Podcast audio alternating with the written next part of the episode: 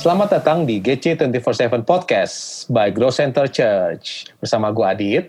Dan gue Valdo. Ya, udah ke episode kesekian nih. Nah, buat ngingetin aja, GC 24/7 adalah podcast yang akan ngobrolin soal value-value yang kita yakini harus jadi bagian dari semua orang percaya termasuk kita.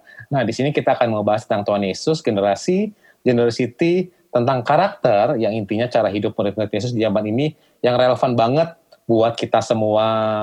Nah, di episode kali ini kita akan ngebahas tentang relationship, tentang terang dan bagaimana kita punya pergaulan. Karena di hari-hari ini tuh banyak anak-anak yang uh, punya pergaulan tapi pergaulannya kurang baik, kurang membangun, tapi dia sudah tahu kebenaran dan banyak orang yang bingung gitu mereka harus berbuat apa. Banyak hmm. juga yang ngerasa nggak enakan, banyak juga yang ngerasa dia kejebak dalam satu lingkungan yang salah. Jadi kita mau bahas itu. Ya, ya. Nah makanya itu uh, seru banget kali ini dok. Kita ada dua orang teman oh. kita nih. Uh, uh usianya beda tipis lah sama beda tipis. sama kita gitu uh, ya beda satu uh, satu kosong di depannya uh, satu kosong betul sekali uh, kita ada dua orang mau kenalin dulu ada Sharon dan ada Ray halo halo uh, ini ramai banget nih ini podcast pertama podcast pertama kita yang rame banget. Uh-huh. Jadi moga-moga seru dan kayak tadi Valdo bilang obrolannya all about uh, pergaulan gitu. Gimana sih kalau kita di di teman-teman kita kayak apa gitu apa yang mungkin mungkin kalau di nggak cuma buat uh, orang-orang kampus tapi juga buat orang-orang kerja gitu karena yeah. kayaknya sekarang udah challenge banget nggak sih jadi Kristen di zaman uh, sosial media kayak sekarang gitu. Nah uh, langsung aja deh dok sikat. Oke, kita ngobrol aja ya. Ray sama Sharon siapa dulu nih? Ray dulu deh. Oke. Okay. Yo, yo. Kan, lu kan sekarang, sekarang semester berapa Ray? Sorry, semester uh, Gue semester 8. Oh, masih kuliah berarti kan? Iya. Masih lagi banyak-banyak yang punya teman kan berarti? Iya, kurang lebih begitu lah. nah, gue mau nanya, menurut lu, menurut lu pergaulan yang menurut lu kayak gimana? Hmm, Wah, pertanyaannya berat juga ya. Berat banget tuh pertanyaan lo. Gue juga iya. susah juga tuh ngejawabnya. Iya. Konsep banget, konsep konseptual banget gitu. Pergaulan yang benar. Selama gue hidup asik, kan mungkin baru ya selama gue hidup, gue mendefinisiin pergaulan yang benar itu sebagai pergaulan yang kalau gue ada di situ, gue bisa satu gue bisa lebih baik jadi kayak setiap kali gue ada di pergaulan itu ada satu value baik yang gue dapat hmm. yang kalau misalkan gue ke pergaulan lain mungkin value itu nggak akan gue dapat hmm. misalkan kalau gue di pergaulan gue di kampus itu kayak gue pilih pergaulan pilih teman-teman gue yang gue temenin sekarang itu karena mereka adalah orang-orang yang punya yang baik lah gitu. Misalnya mereka tuh mereka tuh ramah dan mereka adalah orang-orang yang bisa menghargai batasan. Karena hmm. kayak, kayak gue ngeliat value itu apa tahu batasan itu satu value yang mahal di mana kalau zaman sekarang kan orang nggak suka banget tuh yang namanya ditahan-tahan kan. Tapi kayak gue seneng banget ketemu orang-orang yang kayak mereka tuh tahu batasan. Jadi kayak makanya gue bergaul gue kayak seneng gitu ada di pergaulan yang kayak gitu. Itu contoh poin pertama gue. Terus kayak pergaulan baik itu kalau buat gue ya pergaulan yang kayak uh, membuat lu menjadi orang yang lebih baik sih.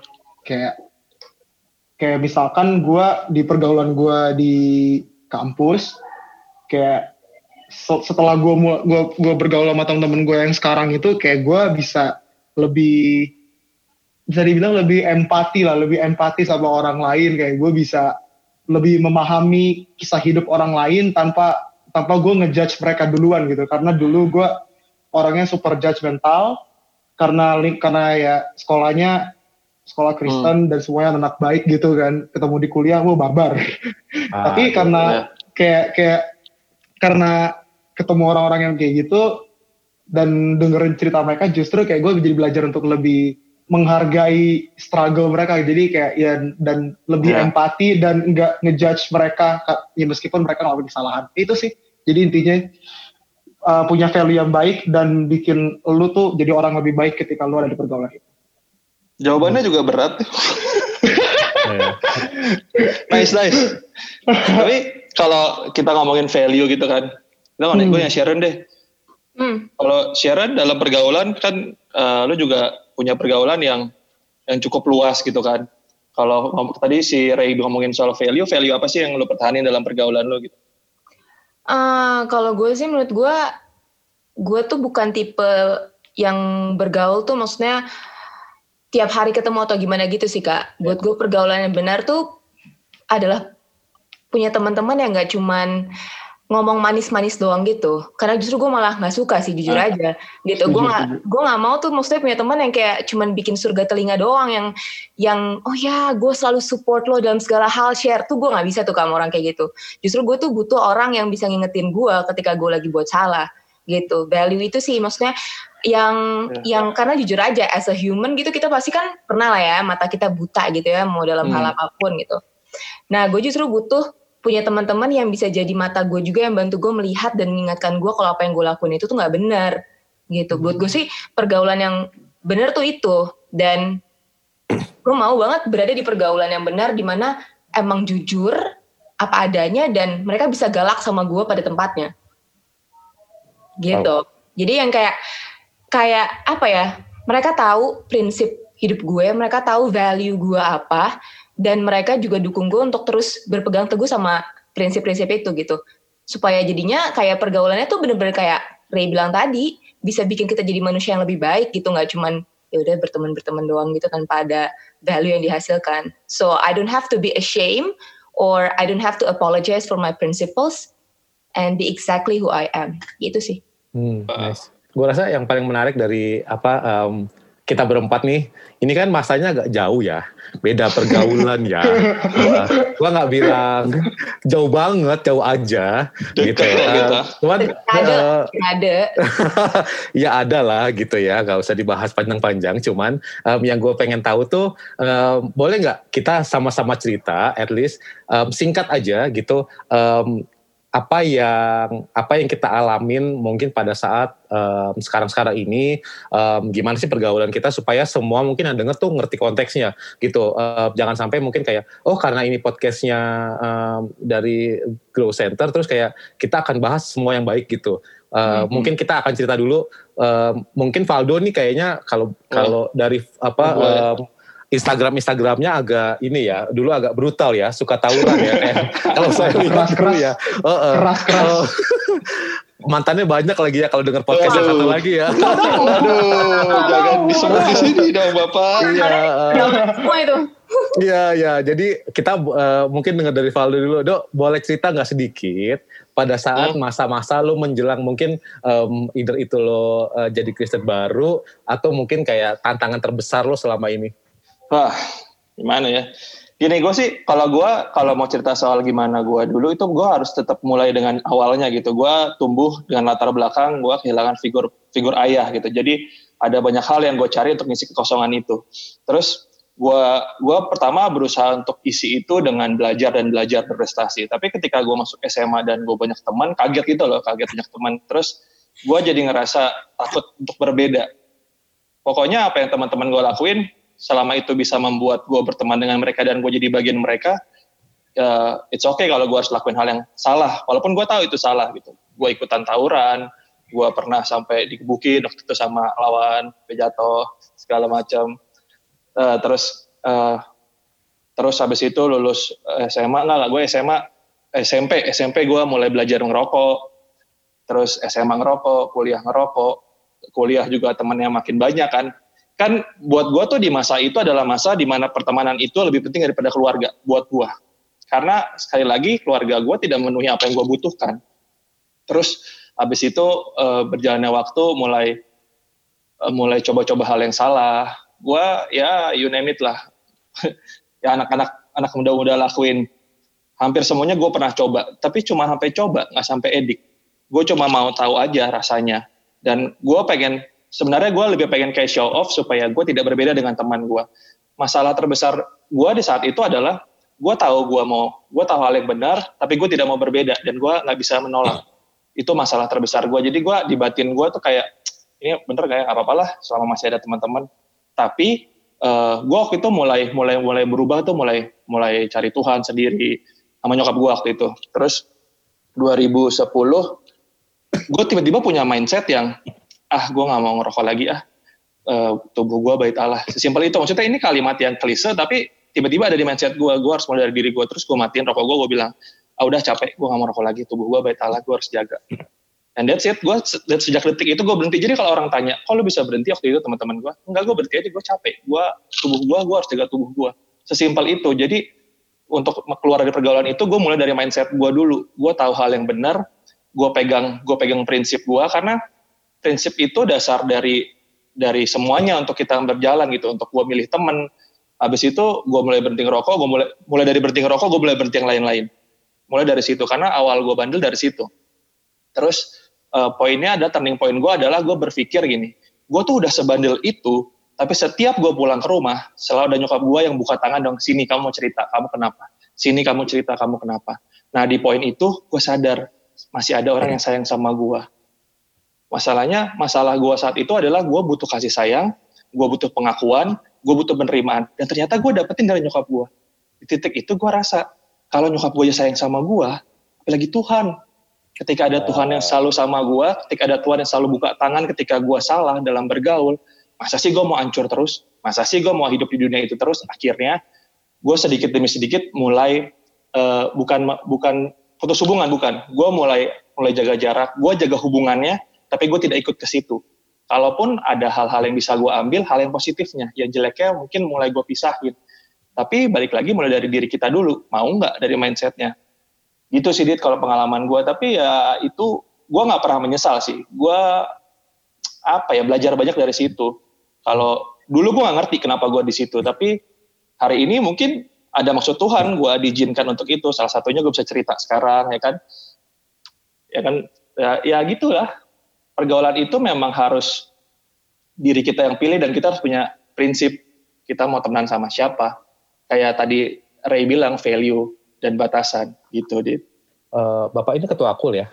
Kayaknya ya. panjang juga ya Enggak, Anda kan yang ketua akul. oh iya, kita semua ketua akul di dalam Tuhan. Apa itu? Uh, uh, share, ini uh, mungkin uh, supaya bisa lebih spesifik. Kalau hmm. kalau lo tuh di pergaulan, tipenya nggak enakan atau enakan? Maksudnya kayak being a Christian di tengah-tengah pergaulan. Pergaulan secara luas gitu ya? Iya.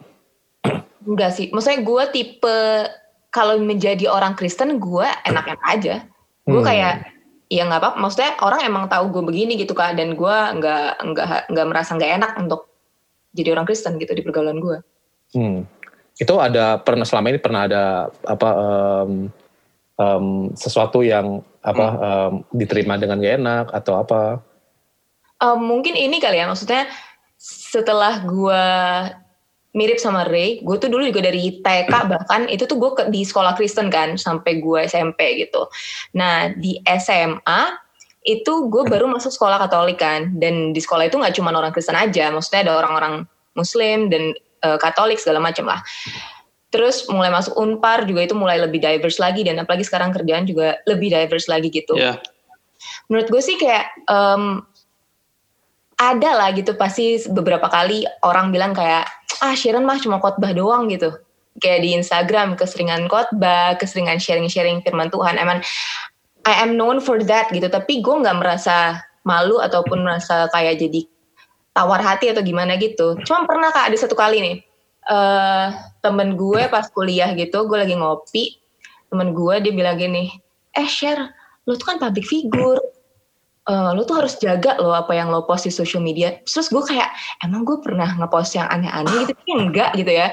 Terus dia bilang ya maksudnya kalau misalkan lo ngepost ngepost soal Tuhan gitu kan lo nggak tahu orang ngomong apa. Lo kan nggak tahu nanti uh, orang bilang apa di belakang. Terus gue yang kayak saat itu at that time I was like diem sih gue gue diem bentar gitu. Yeah. tapi terus gue cuma bilang kayak oh gitu ya? Maksudnya gue nggak gue nggak bilang kayak aduh sorry ya aduh kayaknya gue salah. Enggak sih. Gue malah bilangnya kayak gue nggak peduli apa yang gue post itu orang mau ngomong apa opini orang kayak apa selagi nggak perlu 10 orang 100 orang diberkati satu orang aja diberkati dari apa yang gue share gitu.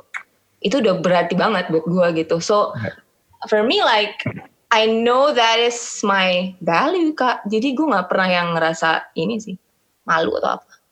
Kalau Ray, jadi kan tadi Sharon pernah tuh, maksudnya ngerasain apa yang uh, ada perlakuan ada perlakuan khusus lah kita bisa bilang karena hmm. tahu bahwa kita orang Kristen yang yang ngomongin soal Tuhan gitu. Kalau lo Ray pernah nggak Ray dalam pergaulan terus lo tahu kebenaran lo tahu tahu Tuhan itu seperti apa, tapi dalam pergaulan lo terus lo menjadi ngerasa ngerasa aneh gitu loh sendiri.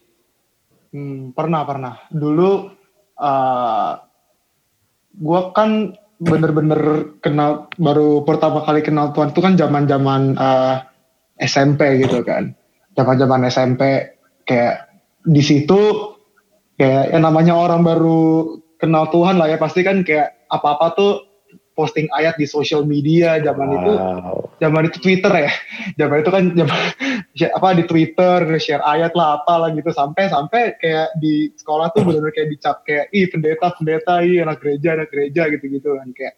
Nah di situ sempet tuh kayak ada rasa minder uh, kok jadi kayak dikucilin gitu. Kayak uh, orang-orang tuh jadi nggak mau main sama gue karena gue anak gereja itu terus kayak gue mulai mikir gitu uh, kenapa ya gue dikucilin gitu kan kayak terus gue gue lupa ini momen momen ini kapan cuman kayak yang gue tangkap tuh kayak uh, mungkin orang-orang itu ngucilin gue karena packagingnya yeah. mungkin karena packagingnya karena apa yang ayat banget yang hmm. mungkin karena postingan gue ayat banget uh, jadi orang tuh agak geli-geli gitu kesannya yang orang-orang umum. So yang gue lakukan adalah uh, gue share kayak share satu kata-kata aja gitu. Tapi sebenarnya kata-kata itu adalah dari firman Tuhan sebenarnya. Hmm. Jadi kayak uh, eh, gue nggak robah kontennya tapi packaging packagingnya yang gue robah. Hmm. Dan dan kayak itu setelah gue lihat kayak orang tuh malah malah terberkati gitu loh kayak bahkan mereka tuh nggak nggak gak tahu. Bahkan uh, itu dari Alkitab. Bahkan gue ketika gue share kayak gini ke teman gue yang berbeda agama pun dia terima. Hmm. jadi kayak secara nggak langsung tuh kita tuh kayak lagi lagi lagi share firman Tuhan.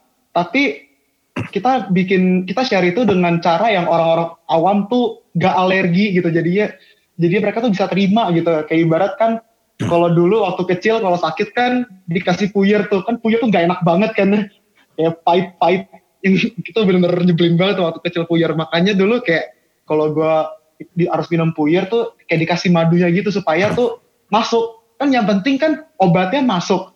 Kayak yang pikiran gue oh yang penting nilai dari firman Tuhan itu masuk. Packagingnya bro packagingnya bisa gue sesuaiin. Jadi hmm. kayak jadi sekarang kalau gue uh, lagi di pergaulan gitu ya gue ngobrol-ngobrol aja gini, gini, gini, gini, cuman uh, tanpa mereka sadarin itu sebenarnya apa yang gue yeah. pelajarin dari mengenal Tuhan dari firman Tuhan so kayak dan ternyata orang-orang tuh malah terberkati dengan itu jadi kayak uh, eh, gue mesti oh mungkin orang tuh alergi sama packaging yang wow. yang Kristennya gitu cuma mereka iya, nggak yeah, yeah. menolak value-nya loh mereka nggak menolak value-nya so kayak ya, ya gue pikir ya udahlah kayak berarti memang untuk untuk untuk uh, bergaul di zaman sekarang dan kita orang Kristen mungkin dalam tanda kutip apa ya formulanya kali ya. Formula yang paling mudahnya yang paling aplikatif kayak itu. Kayak jadinya kita satu sisi nggak orang nggak terlalu nganggap kita jadi kayak aneh tapi kita kita ngomong kita nggak merasa bersalah dan kita nggak merasa omongan kita tuh kosong. Kita bisa share sesuatu yang bernilai gitu. Dan mereka juga bisa terima. Itu sih cara hmm. uh, prosesnya. Kak gue boleh nambahin nggak kak? Boleh boleh.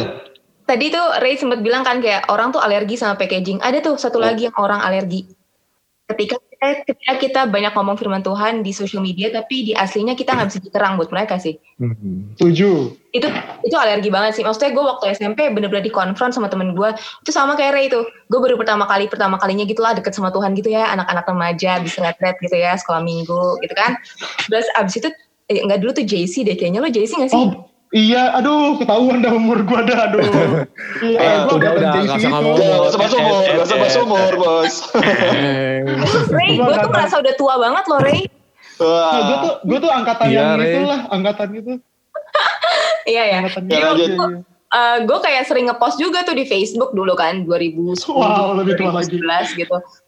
Terus tiba-tiba eh ada temen gue, itu menurut gue dia tuh udah kayak bandel yang paling bandel lah di sekolah gue di angkatan gue.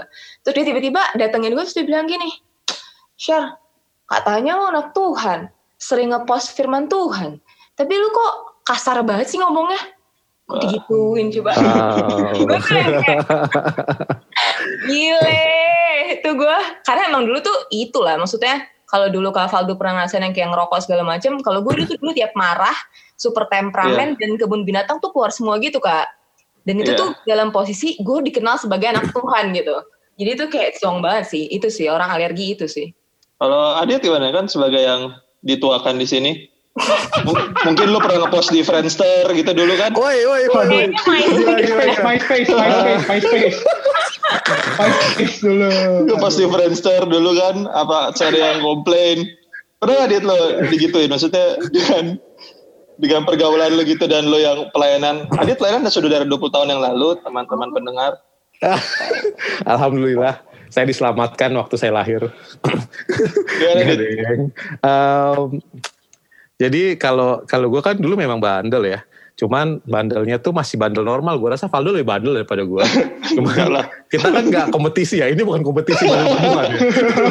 Ini sama sekali bukan kompetisi. Cuman gue ngerasa eh, kebandelan gue tuh memang bandel eh, apa ya halus aja gitu. Minum nggak nggak mabok terus eh, tapi nggak minum banget eh, dugem nggak suka gitu ngantuk terus eh, apa lagi ya eh, paling apa sih gitu bandel gue tuh cuman pacaran doang gitu. Em, sampai ke titik kan eh, ada ada masanya lah gue pikir kita eh, titik baliknya. Nah eh, gue ngerasa waktu itu titik balik gue adalah kayak gue tuh udah eh, aduh gimana ya bilang ya?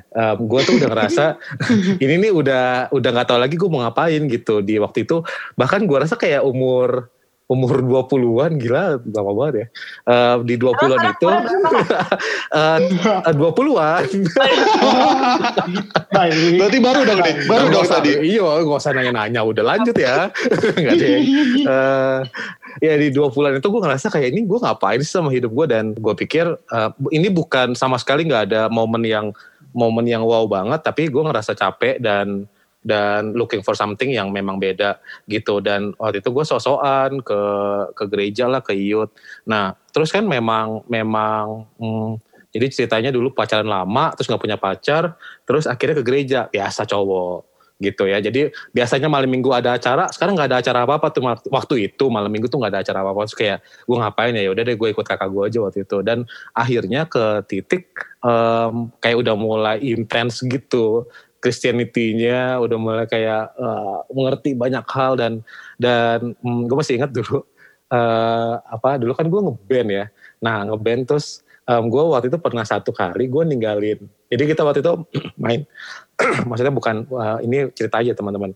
Em, eh, jadi waktu itu gue harusnya main di radio cuman gara-gara gara-gara waktu itu ada meeting gereja acara radionya gue biarin gitu. Terus gue Wah, gila gitu bayar harga ini. bukan ini makanya itu dia poinnya bukan bayar harga harusnya. Poinnya adalah em, sejak saat itu semua orang tuh ngomong ke gue tuh beda. Kayak lo eh, apa udah jadi kayak gue kayak Ya. terasing gitu. Jadi kayak nggak nyambung sama yang lain sama teman-teman gue dan dan poinnya gue ngerasa bukan karena Kristen ya. Poinnya karena gue bail waktu itu em, apa eh, main di radio. Dan itu tuh yang bikin yang bikin ini banget sih yang bikin gue ngerasa kayak itu tuh aduh harusnya gue gak ngelakuin itu ya. Harusnya em, apa gue ada buat mereka. Mungkin ada hal yang berbeda tapi eh, di perjalanan gue ngerasa itu tuh normal untuk kita ngalamin itu gitu. Gue ngerasa setiap setiap kita kan punya momen ya maksudnya momen perjalanan kita sama Tuhan dan pergaulan inilah salah satu yang paling nyebelin kalau buat gue salah satu yang paling nyebelin adalah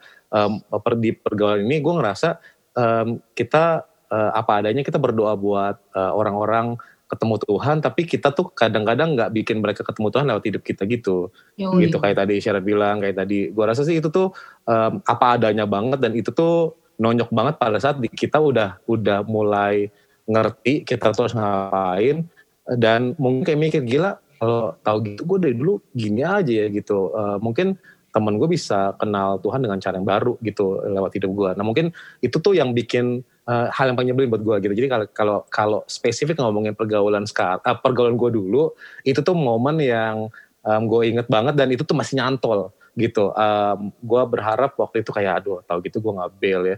Mungkin um, uh, uh, karena sejak saat itu uh, dan memang kan sama ya kita semua uh, mengalami ngepost semua hal yang Kristen tapi ngerasanya tuh nggak benar-benar amat gitu hidupnya gitu. Uh, maksudnya um, benar-benar amat dalam konteks kayak um, kita hanya put sesuatu di sosial media dan um, kita menghidupi itu di dalam kotak kosong eh kotak kita sendiri gitu.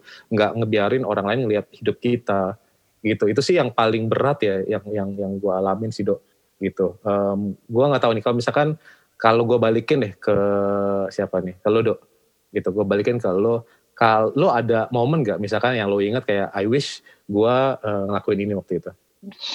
Yang paling gue ini sih kenapa gue baru mulai pelayanan di umur segitu gitu. Hmm. kenapa nggak dari sebelumnya menurut gue itu satu. Kedua uh, kenapa gue harus selalu istilahnya apa ya kompromi sama Tuhan? Gue banyak hal banyak hal yang uh, Tuhan suruh gitu. Dulu lewat pergaulan gue lewat pergaulan gue misalnya pacaran nggak benar pacaran pacaran gue beda agama mulu anyway dulu sebelum nikah. Sekarang gue nggak nggak beda agama lah ya. Emang gitu nyarinya gitu waktu itu ya? Uh, nyarinya, pokoknya ya? pokoknya carinya yang yang beda. yang aneh-aneh deh yang beda deh. Menantang ya? mm -mm. Terus ya hal-hal kayak gitu aja sih, hal-hal yang soal pergaulan gue, gue harusnya bisa menahan diri.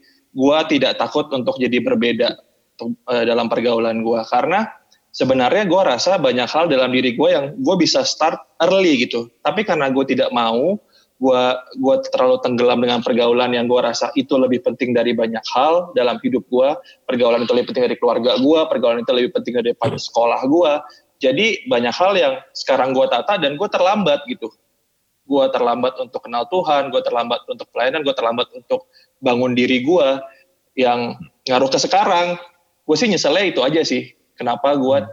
tidak mulai early. Iya. Yeah. Oke. Okay. Kalau Sharon gimana sih?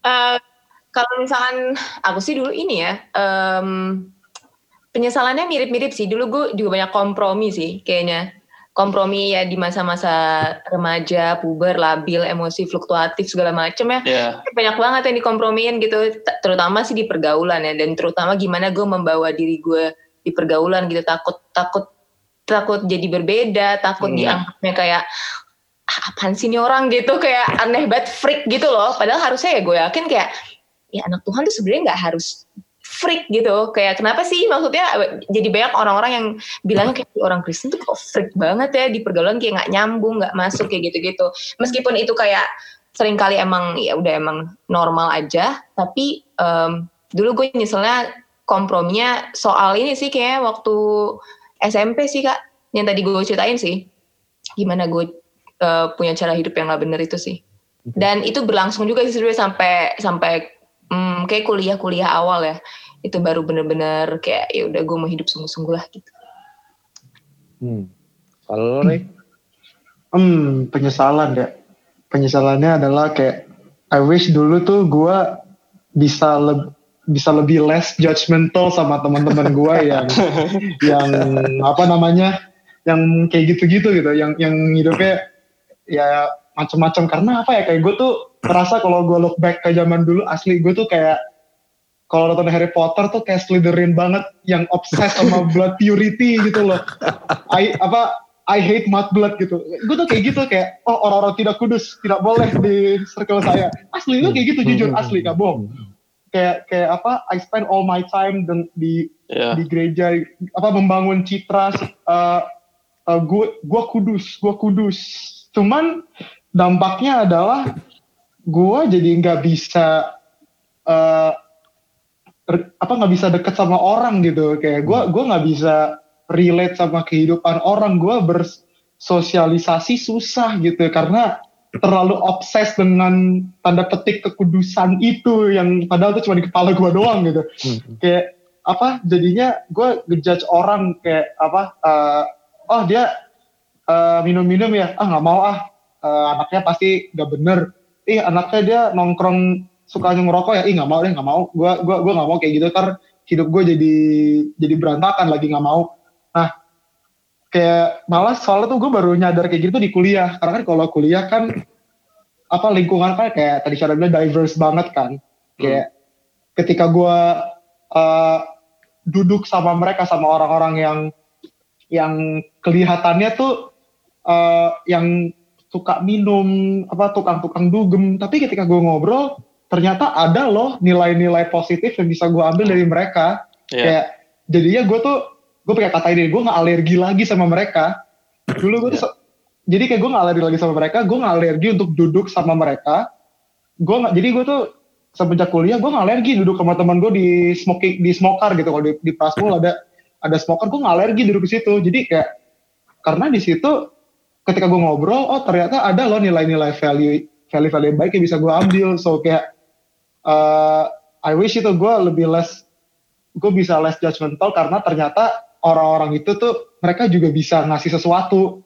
Jadi kayak cuman di kitanya aja yang harus belajar untuk ngebatasin kita kita sendiri yang punya punya apa ya istilahnya ya uh, punya six ada sign gitu. Oh kalau misalkan udah udah mulai offside nih kita yang mundur. Jadi kayak kayak kadang kan kita kan terlalu obses sama apa sih? Dulu gue tuh orangnya gitu kayak kalau hitam hitam kalau putih putih gitu. Jadi tuh karena kayak terlalu obsesi itu cuman kayak makin tua makin tua gitu realize kayak hidup itu nggak bisa kayak gitu Aduh. kayak dalam pertama dalam pertemanan tuh nggak bisa tuh kayak kayak kayak gitu karena ya yang ada apalagi gue orangnya ekstrovert kan butuh bergaul yang ada hmm. malah menderita hmm. sendiri gitu menderita banget hmm. jadinya kayak uh, ketika gue mulai loosen up dan tapi loosen up tapi tetap tetap stay di koridor-koridor yang harus gue stay hmm. dan itu ternyata uh, berdampak positif jadinya guanya bisa lebih lebih mengenal baik orang dan jadinya kayak pikiran gue lebih kebuka sih jadi hmm. kayak kalau mau penyesalan less less judgmental sih. Jadi orang-orang kayak Regi ini yang bikin dulu kita takut berbeda ya. Soalnya to be honest, to be honest ya, to be honest ya. Itu tipe penganut slogan ini you cannot sit with us itu kak. Oh. ampun, ampun, ampun, ampun, ampun. Enggak, Itu kan, kan kita, sekarang, sekarang kan lo udah ah. gaul kan, lo udah gaul banget sekarang kan. Udah gaul banget sekarang. Nongkrong, nongkrong. Nah kita kan tadi udah ada tuh penyesalannya gimana. Sekarang kita udah lebih baik lah. Gue bisa bilang kita lebih baik lah, lebih mau melayani Tuhan. Nah, ketika kita harus ketemu sama teman-teman yang ngajak hal yang gak benar gitu, yang kita tahu salah, gimana sih cara kita nolaknya? Gimana cara nolaknya? Ayo, uh, Adit dulu deh, Adit dulu deh. Karena yang paling bijak uh, di antara kita. Ini apa adanya ya? Apa adanya semakin semakin dewasa teman-teman. Semakin dewasa. Um, enggak gue gue tuh ngerasa um, um, bukan soal karena karena karena mungkin mungkin ini ini gue ya maksudnya bukan bukan berarti gimana gimana. Cuman gue ngerasa semakin kita dewasa memang uh, pengendalian diri kita tuh makin bagus gitu. Waktu muda gitu kan susah banget ya kayak nongkrong lo bandel bandel gitu. Nah semakin apa teman lo bandel muda ya, waktu muda gue lupa tuh kapan. Uh, Friendster lah masanya Friendster. Uh, wow. cuma maksud gue kayak kita nongkrong itu um, bandel ah, teman kita bandel ngajakin bandel kita bisa ikut ikutan bandel gitu. Um, tapi di kayak kalau kalau sekarang gue ngerasa memang mungkin memang memang apa adanya proses juga tapi kalau yang gue rasain banget adalah um, saat kita ngomongin soal diajak untuk kita tahu ini misalnya kayak nongkrong ke mana gue akan yain gitu. Kenapa? Karena um, itu tuh bisa jadi momen nggak tahu apa gitu. Um, gue ngerasa saat orang ngajakin gue itu bukan momen kebetulan. Tuhan pasti aduh Kristen banget lagi Tuhan pasti punya rencana untuk untuk untuk apa kayak gitu jadi gue bener-bener usahain banget kayak yuk gitu lo mau ke mana nah, pasti nongkrong aja gitu dan itu pernah kejadian gitu dan gue ngucap syukur banget itu um, ada teman gue kita udah lama banget ketemu terus um, nongkrong bareng dan udah tahu nih uh, kan memang umur nggak bisa bohong ya teman-teman ya. Di atas jam 12 tuh uh, agak rentah sedikit mata tuh berat banget gitu. Tapi um, gue masih ingat uh, saat gue ketemu dan nongkrong bareng gitu itu tuh momen kayak dia tuh cerita gitu. Dia lagi ngalamin depresi banget gitu um, apa kerjaannya dia lagi nggak bagus dan um, dari itu semua gue ngerasa kayak uh, enggak nih ternyata um, kalau misal ini gua gitu. Kalau gua kalau misalkan diajakin ke mana gue sekarang ayo gitu. Um, kenapa? Karena buat gue itu momen yang gue nggak pernah tahu akan kejadian lagi apa enggak gitu. Even kayak waktu itu kita nongkrong rame-rame dan semua kayak um, ngomong kasar lah minum atau apa gitu. Tapi gue ada di sana dan gue tuh cuman ketawa dan gue nggak ada nggak berusaha untuk kayak apa tiba-tiba keluar kayak hey kalian semua rakyat-rakyat gitu. Gue gak kayak gitu. Wow. sorry ya lu gue nggak bilang lu uh, tapi tapi di, di sisi di sisi itu gue ngerasa kayak um, ya itu mungkin karena karena karena gue juga udah kangen juga kali udah lama nongkrong. Um, jadi gue I'm okay gitu. Lo mau ngajak gue ke mana ayo deh. Lo mau ngajak gue nongkrong ke mana. Dan obrolannya tuh bener-bener brutal sih ya gitu. Gue lupa kayak kita semakin gede um, masalahnya orang tua tuh nggak cuman masalah apa um, apa ya dulu ya uang jajan kurang lagi atau hmm. atau kuliah yang gimana. Tapi sekarang tuh udah udah makin intens gitu. Dan itu sih itu yang yang lumayan. Kalau gue kalau gue gue akan ayo deh jalan aja gitu. Kenapa? Karena uh, mungkin dari, dari sisi gue sekarang gue udah secure, udah tenang, udah damai sama diri gue sendiri juga. Jadi lu mau ajak gue ke mana itu nggak akan mengubah apa yang ada di dalam gue gitu. Hmm.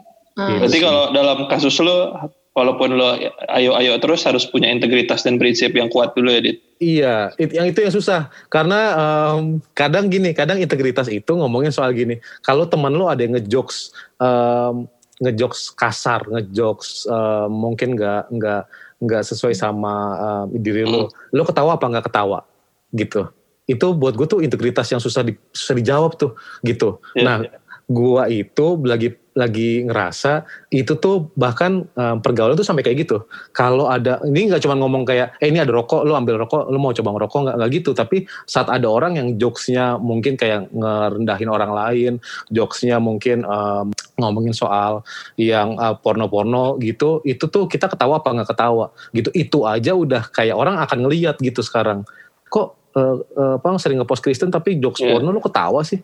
Gitu lo ini ya dit lo mikir itu ya gitu dalam hati gue karena waktu itu pernah kejadian terus gue bilang waduh uh, ternyata sampai segitunya um, di pergaulan gitu saat saat udah udah apa um, nyaman sama kayak bagi-bagi ayat di sosial media orang tuh sampai ngeliat kayak kayak gitu sih itu sih dok itu tuh yang lumayan tricky kalau gue yang gue alamin ya. ya. Jadi berpikir gue sekarang. sekarang ya. Lu ke mana aja dong, Cie? Gue gak, gue gak mau ketawa. Coba Sharon, Sharon.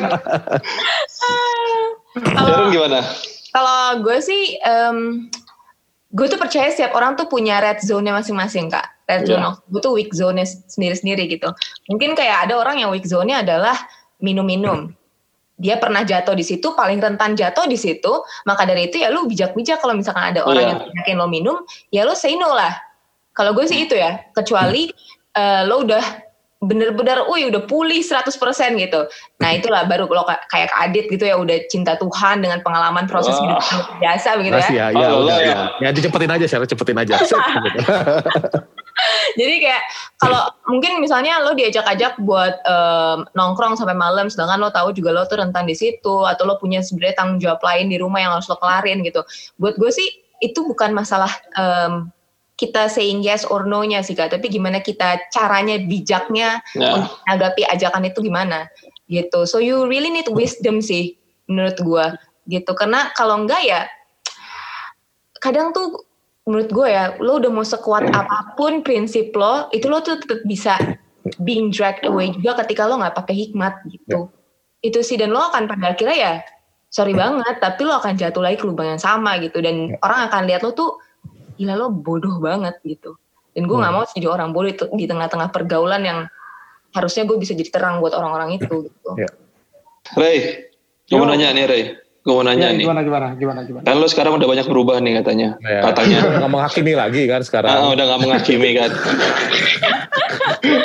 tapi walaupun lo sudah tidak menghakimi, tapi lo masih temenan kan sama teman-teman lo yang dulu itu? Yang oh masih, masih, masih. masih. Nah, nah, gimana lu tetap bisa jaga hubungan sama mereka hmm. yang lu tahu misalnya, oh ini gak holy. Tapi kan lu masih sekarang udah mau temenan kan. Tapi satu sisi lu tahu, ah. lu tuh harus hidup benar gitu. Gimana lu memposisikan diri lu dalam kondisi seperti ini?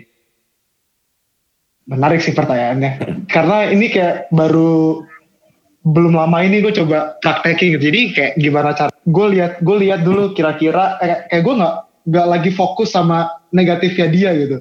Negatifnya dia gue nggak mau pikirin lah. Cuman kayak gue pikirin kira-kira kalau gue main sama orang-orang ini hal positif apa sih yang bisa gue dapat. Jadi tuh nanti tuh ngaruhnya ke pemilihan inner circle gitu. Jadi dulu kan gue kan judgmental kayak gitu kan. Terus kayak sekarang tuh mikirnya nggak kayak gitu jadi kayak mikirnya tuh oh mungkin orang-orang yang kayak gini-gini uh, bisa gue temenin tapi mungkin intensitasnya tuh nggak sebanyak iya. sama teman-teman yang yang let's say misalkan yang kasih value lebih banyak. Jadi tuh kayak gue bikin circle itu based on value-value apa aja yang mereka bisa kasih. Jadi kayak kasarnya semakin sedikit value mereka taruh dan semakin sedikit value yang bisa gue taruh berarti kayak gue akan taruh itu di ring 3 makin banyak akan makin jadi jadi makin lebih inti ringnya gitu. Jadi jadi kayak apa ya kalau misalkan uh, kan kayak gue masih ada tuh grup teman-teman gue SMA gitu kan. Itu itu teman-teman yang jujur to be honest yang agak gue hakimin dulu kan. Tapi sekarang kayak kayak tiap kali misalkan nongkrong eh nongkrong nongkrong nongkrong meskipun dalam hati gue tahu eh, kayak gue atur ekspektasi gue gitu. Kayak oke okay, kayak gue nggak berekspek banyak banyak gitu. Gue nggak expect omongan mereka bakal sama kayak kalau gue ngobrol sama ring satu gue itu kan pasti beda gitu kan. So jadi gue caranya adalah gue manage ekspektasi gue jadi hmm. kayak karena gue lihat kenapa gue judgmental salah satu alasannya karena gue berekspektasi sama gitu. Jadi gue kayak ya gue pikirin uh, kalau teman-teman uh, teman-teman yang di gereja itu omongannya bakal sama kayak teman-teman yang di luar. Dulu kayak gitu padahal kan nggak kayak gitu. Jadi caranya adalah gue atur ekspektasi gue jadi kayak ketika gue nongkrong pun jadinya uh, bisa fokusnya sama hal-hal baiknya aja. Kayak fokus sama hal-hal positif yang bisa gue dapat dari tongkrongan itu dari yang negatifnya ya gue gue buang aja gue nggak mau anggap itu. Karena kayak kalau kita pikirin negatifnya terus kayak ya yang ada itu malah kasih ruang buat hal negatif itu jadi masuk. Jadinya uh, satu sisi gue ngeliat oh gue masih bisa jaga jaga hubungan pertemanan tapi di sisi yang lain guanya nggak terlalu terpengaruh. Jadi lebih ke arah kayak share bilang tadi sih tahu lampu merahnya nih. Kalau misalkan lagi nongkrong masih lampu hmm. hijau oh ya udah santai kalau misalkan topiknya udah lampu kuning hmm, hmm hati-hati nih hati-hati.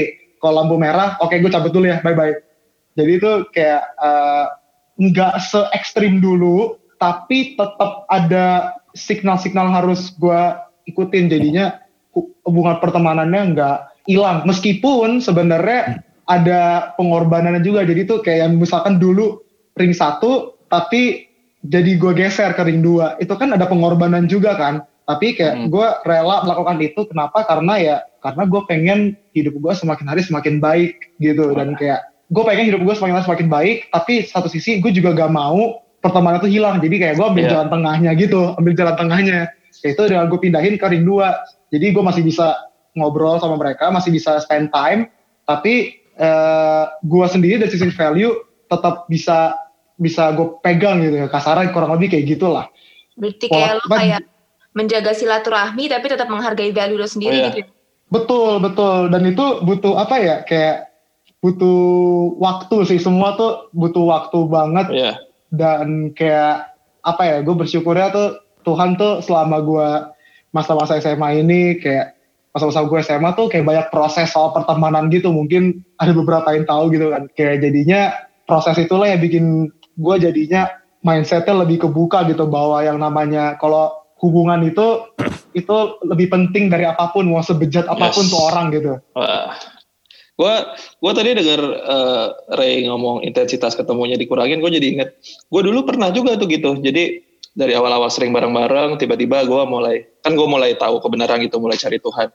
Gue mulai kurangin intensitas gue, mereka mulai ngejek gitu kan, judgmental, nih orang udah punya sayap kayak malaikat, ini orang udah holy ngomongin nama kita sampai akhirnya gue gak diajak lagi tapi gue tidak tidak mutus hubungan. Gue bilang sama mereka gue mau sih mau ketemu kok tapi tapi jangan di situ gitu. Jadi kalau misalnya masih ngumpul-ngumpul konteksnya yang misalnya mereka halal lebih halal gue masih mau datang gue jaga hubungannya.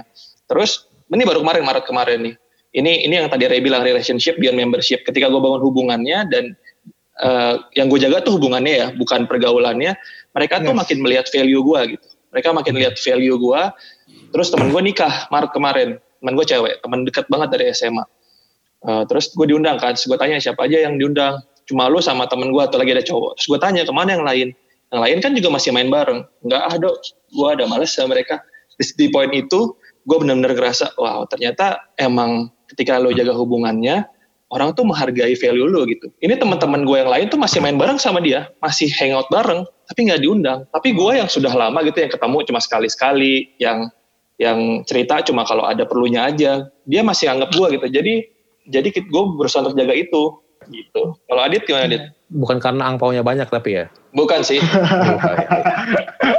Oh tapi satu lagi satu lagi yang yang gue inget uh, yang gue rasa ini perasaan gue waktu kenapa gue nggak mau tetap menjaga hubungannya karena gue nggak mau ini kan teman-teman SMA gue teman-teman SMP gue hubungan yang sudah gue bangun sebegitu lamanya gue tahu dari awal mereka seperti apa tiba-tiba hilang karena gue ngerasa gue holy dan dia tidak holy. Ya. Gue nggak mau sejudgment itu gitu. Jadi lo kayak nggak maksain value lo juga ya kak ke mereka? Iya, gue nggak maksain value gue ke mereka, tapi mereka harus tahu ini value gue. Hmm. Uh, kalau gue ya, gimana cara menjaga tali silaturahmi ya? Um, sejujur-jujurnya, um, uh, eh, gue tuh kan memang nggak suka teman sama banyak orang gitu ya maksudnya um, gue tuh cuman punya beberapa lingkaran teman lah termasuk yang di luar. Nah uh, ini memang kalau kalau gue tuh apa deh gue punya satu satu um, geng kecil itu isinya cuma empat orang satu WhatsApp itu. Um, uh, ulang tahun itu di bulan mirip-mirip sama ulang tahun gue gitu. Jadi kita tuh kayak pas udah bulan April tuh kayak eh mau makan di mana nih? Gitu. Selalu tiap bulan itu. Gitu. Uh, bulan ini nggak bisa karena covid ya. Jadi nggak jadi. Uh, tapi um, apa ada itu ada ada beberapa lah lingkaran teman yang yang memang um, mereka tuh udah kayaknya mereka juga udah diubahkannya mereka menerima gue tuh suka bagi-bagi ayat Kristen. Jadi dan mereka oke okay soal itu. Jadi mereka yang menerima gue apa adanya uh, mereka nggak ngerasa terganggu dan mungkin gue juga nggak yang kayak apa membuat mereka eh, jadi convert juga karena semuanya Kristen juga gitu. Jadi nggak ada uh, nggak ada perbedaannya. Uh, cuman memang uh, apa adanya um, apa uh, itu tuh dilakukan memang memang memang um, dalam durasi yang kayak gitu nggak sesering itu yang nggak sering yang gue harapkan. Um, tapi cara gue menjaga silaturahmi memang tetap kayak gitu. Gue nggak ngerasa kayak ya paling apa sih kalau di umur gue sekarang kan ya? Um, tanya kabar ngajak nongkrong ngajak kopi gitu. Um, tapi memang uh, sulitnya adalah kalau gue ya di di gue sekarang nih sulitnya um, saat memang um, um, semua orang udah mulai sibuk jadi bukan karena at all bukan karena kayak dijauhin karena value gitu. Simply sibuk aja gitu. Um, apa pertemanannya memang goes different direction dan dan uh, durasi uh, frekuensi ketemunya itu memang jadi lebih dikit gitu. Tapi yang gue suka adalah yang kayak tadi gue bilang um, ada beberapa waktu itu gue sempat apa jalan juga sama ada satu teman anak apa teman kuliah gue banget gak ketemu.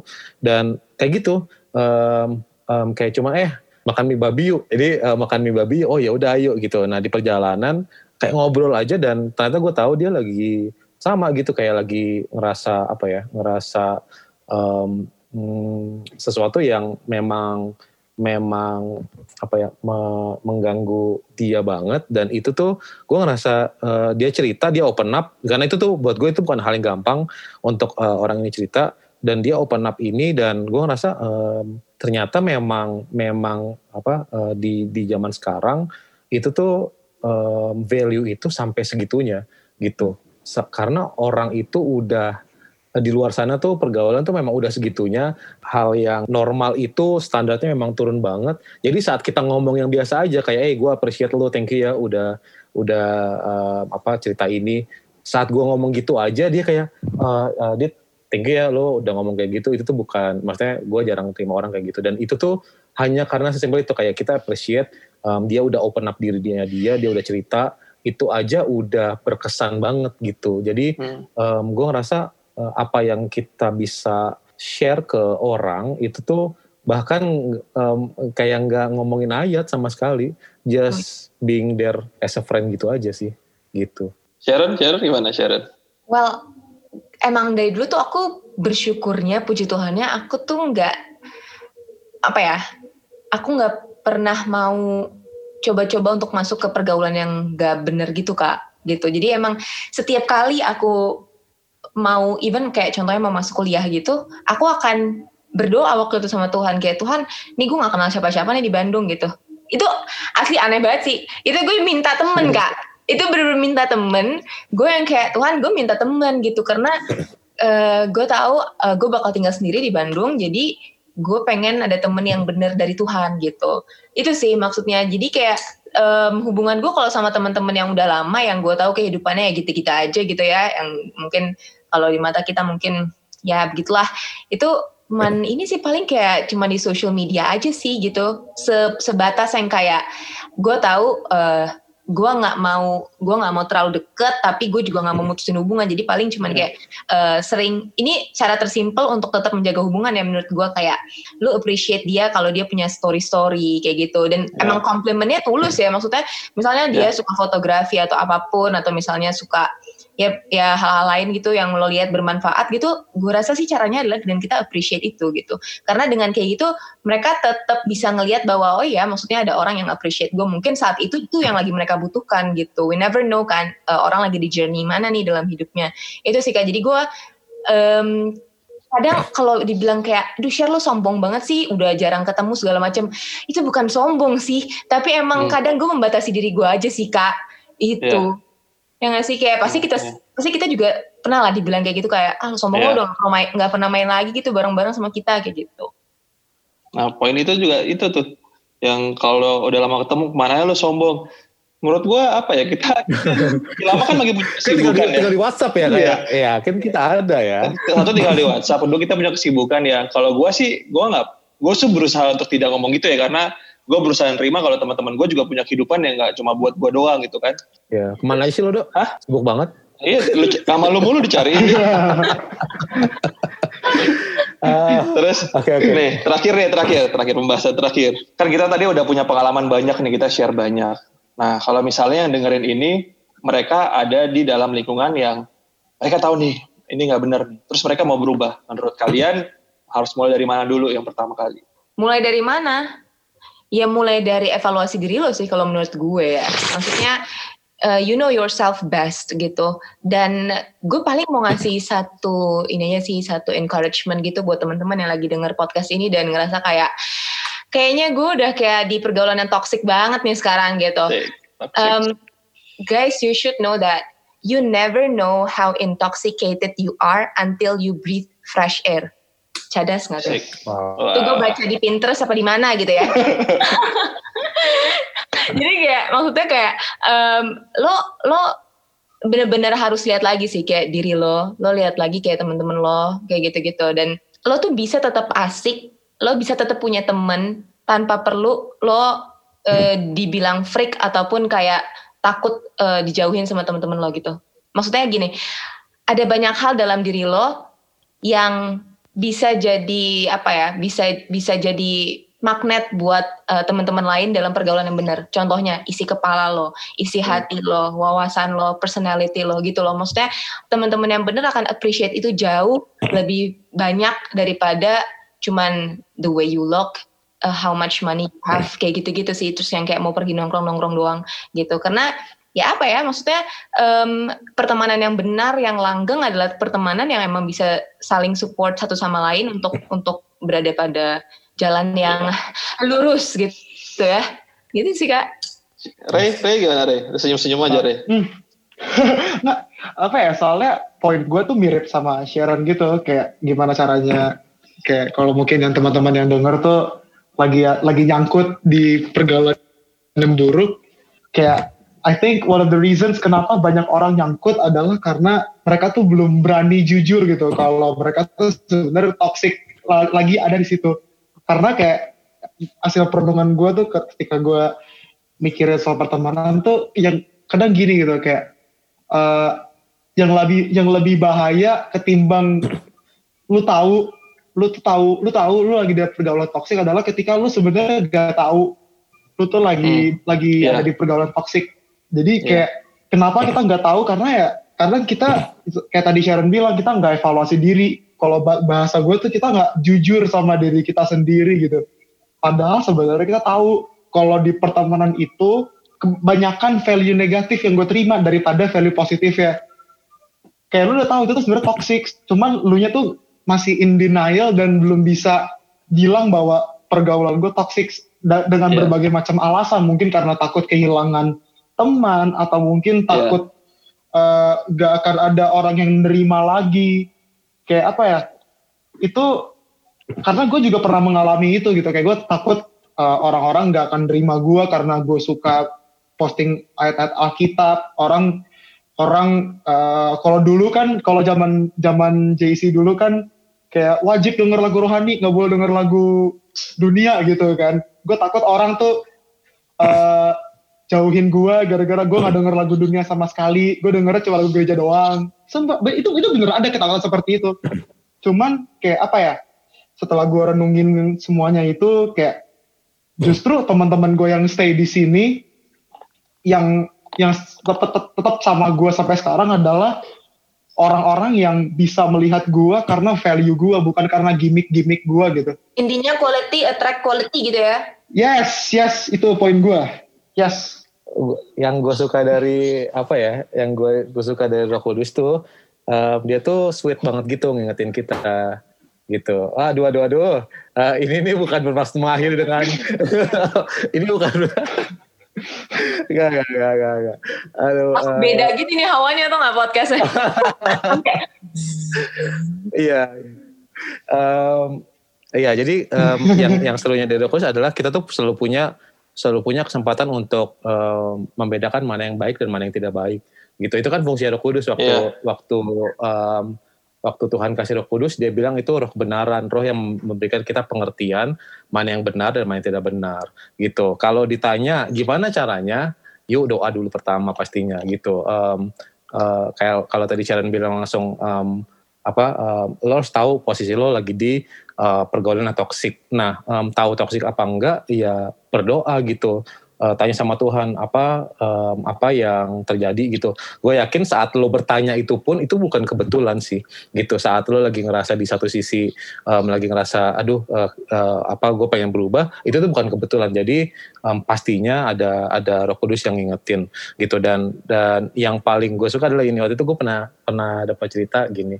Uh, ada satu um, apa uh, anak lah gitu. Dia tuh bandel banget terus um, tapi uh, waktu dia datang ke gereja dan masih bandel. Udah pelayanan pun masih bandel gitu. Bandel itu bandel banget bukan ya. Bukan gue ya dia bukan gue tapi bukan lo bukan lo puji Tuhan bukan lo sebut saja namanya El. El Valdo dong. Enggak enggak. Tapi um, dia udah masih masih tetap bandel banget. Nah terus gue ingat waktu itu uh, kakak rohani gue dia bilang gini uh, kita nggak boleh marahin dia gitu. Mungkin selama ini dia nggak pernah tahu yeah. gitu kalau itu tuh hal yang salah gitu. Nah kita harus kasih tahu, kita harus ingetin gitu kalau itu salah, kasih kesempatan untuk dia mengerti mana yang mana yang salah, mana yang benar. Kalau kita bilang kita ada roh kudus dalam diri kita, artinya kita juga bisa ngebantu dia untuk ngingetin, eh um, ini salah, ini benar. Um, tapi ya itu sekali lagi pada saat kita ngelihat itu dari sisi yang dari sisi yang lain, ya. uh, artinya ada ada apa ya bahasanya, ada hal yang diingetin sama Tuhan gitu. Nah, itulah momen untuk kita uh, mulai mulai lihat gitu. Um, um, bisa nggak ya kita ngingetin dia, bisa nggak ya kita bantuin? Pasti percaya banget gitu ya. Di satu sisi kita akan ada masanya kita perlu untuk um, cleanse gitu um, kayak detox gitu supaya kita ngerti gitu. At least ya itu tadi kita nggak akan pernah tahu ini udara bagus kalau kita nggak pernah menghirup mana yang bagus gitu. Jadi mungkin hal yang itu yang yang menurut gue paling penting sih. Yang pertama berdoa yang kedua mulai open sama orang lain gitu mulai lihat uh, opportunity kalau kalau um, mungkin gak sih gue ada di pergaulan yang salah? Mungkin gak sih? Mungkin um, um, value yang masuk ke gue ini bukan value yang baik gitu hanya itu aja dulu gue rasa eh, nggak dalam konteks menghakimi tapi saat kita mempertanyakan itu ada opportunity untuk Roh Kudus bekerja sih kira-kira hmm. gitu karena mungkin sebenarnya kalau misalkan kita nggak pernah bergaul yang luas juga, kita nggak pernah tahu kita lagi di pergaulan yang salah atau benar kali ya kak? Betul. Even kalau menurut gue tuh, even kayak kita ada di pergaulan Kristen, yep. apa adanya pergaulan Kristen tuh kayak um, bisa jadi toksik juga. Toksik dengan apa? Dengan ketemu misalkan memang uh, orang-orang yang yang memang um, apa lebih kayak sendiri banget. Dia tuh nggak ada lagi ruang untuk bersama apa ruang untuk uh, grace tuh nggak ada. Semua all about truth gitu. Gue ngerasa itulah uh, momen yang yang kita bisa juga kena toxic gitu. Dan gue pun pernah merasakan itu. Gue ngerasa kayak gile gue ngeliat orang apa bahasanya di gereja angkat tangannya nggak kudus aja kayak rasanya kayak kurang kudus deh lo. Lo kayaknya perlu uh, berdoa lebih lagi deh gitu. Jadi gue ngerasa even di perkumpulan terang ini pun bisa bikin kita nggak terang-terang amat gitu nah, itu sih itu gue tambahin sedikit aja cuma sedikit aja sebenarnya kan kesimpulannya mirip-mirip ya kita nggak akan tahu kita di mana kita toksik apa enggak sampai kita tahu hal yang benar gitu kan, fresh air-nya. Gue coba mau nambahin dikit, mungkin kalau teman-teman yang lagi dengar terus uh, bingung gitu mau ke mana, uh, ada yang namanya cool. Oke, okay, pesan sponsor masuk.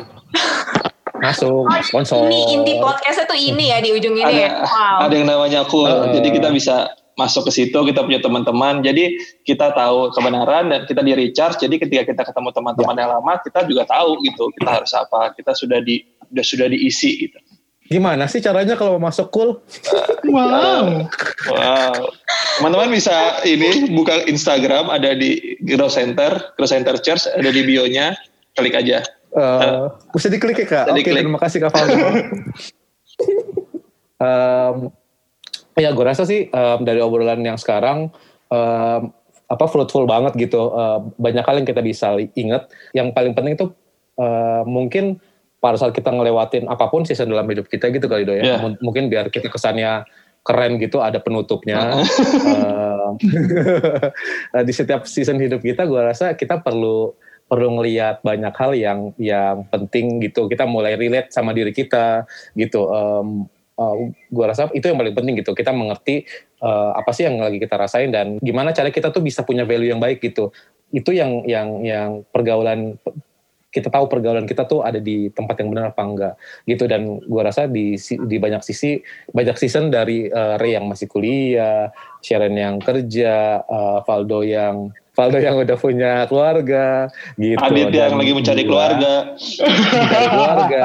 Gue rasa itu tuh um, apa poin yang bisa kita bisa kita gali banyak dan kita bisa make sure mungkin pergaulan itu bukan maksudnya jangan sampai kita ngelihat uh, hitam atau putihnya gitu kayak tadi yeah. Ray bilang ya gitu. Um, tapi memang um, value apa yang kita bisa bawa ke pergaulan itu dan value apa yang mungkin kita nggak sadar kita terima gitu. Mungkin kayak gitu kali do ya. Yeah. Gitu dan um, uh, eh, gue berharap banget nih bisa apa um, ada waktu lebih banyak lagi gitu dan dan bisa ngobrol lebih banyak lagi. Tapi sayangnya kita sudah lumayan lama ngobrolnya gitu. Jadi uh, thank you uh, Sharon, thank you, thank you Sharon, thank you Ray. Thank you Kade, thank you Kak Faldo, gitu, thank you Sharon. Mungkin, uh, mungkin nanti kita bisa um, explore lagi gitu apa sih yang kita bisa lakukan di pergaulan hmm. gitu. Karena banyak hal banget banyak hal banget yang gue pikir kita belum cover di sini. Uh, mungkin kalau buat teman-teman ada yang pengen um, ada hal yang pengen dibahas soal pergaulan please mention ke uh, Instagramnya Grow Center Church. Kasih tahu kita what do you think dan apa yang menurut kalian bisa jadi insight yang bagus untuk kita bahas juga gitu kali ya. Um, sekali lagi thank you Sharon, thank you Ray, um, thank you dok. Thank you. Uh, mungkin ya kita akan ketemu lagi di podcast minggu depan. See you teman-teman. Dadah. Dadah.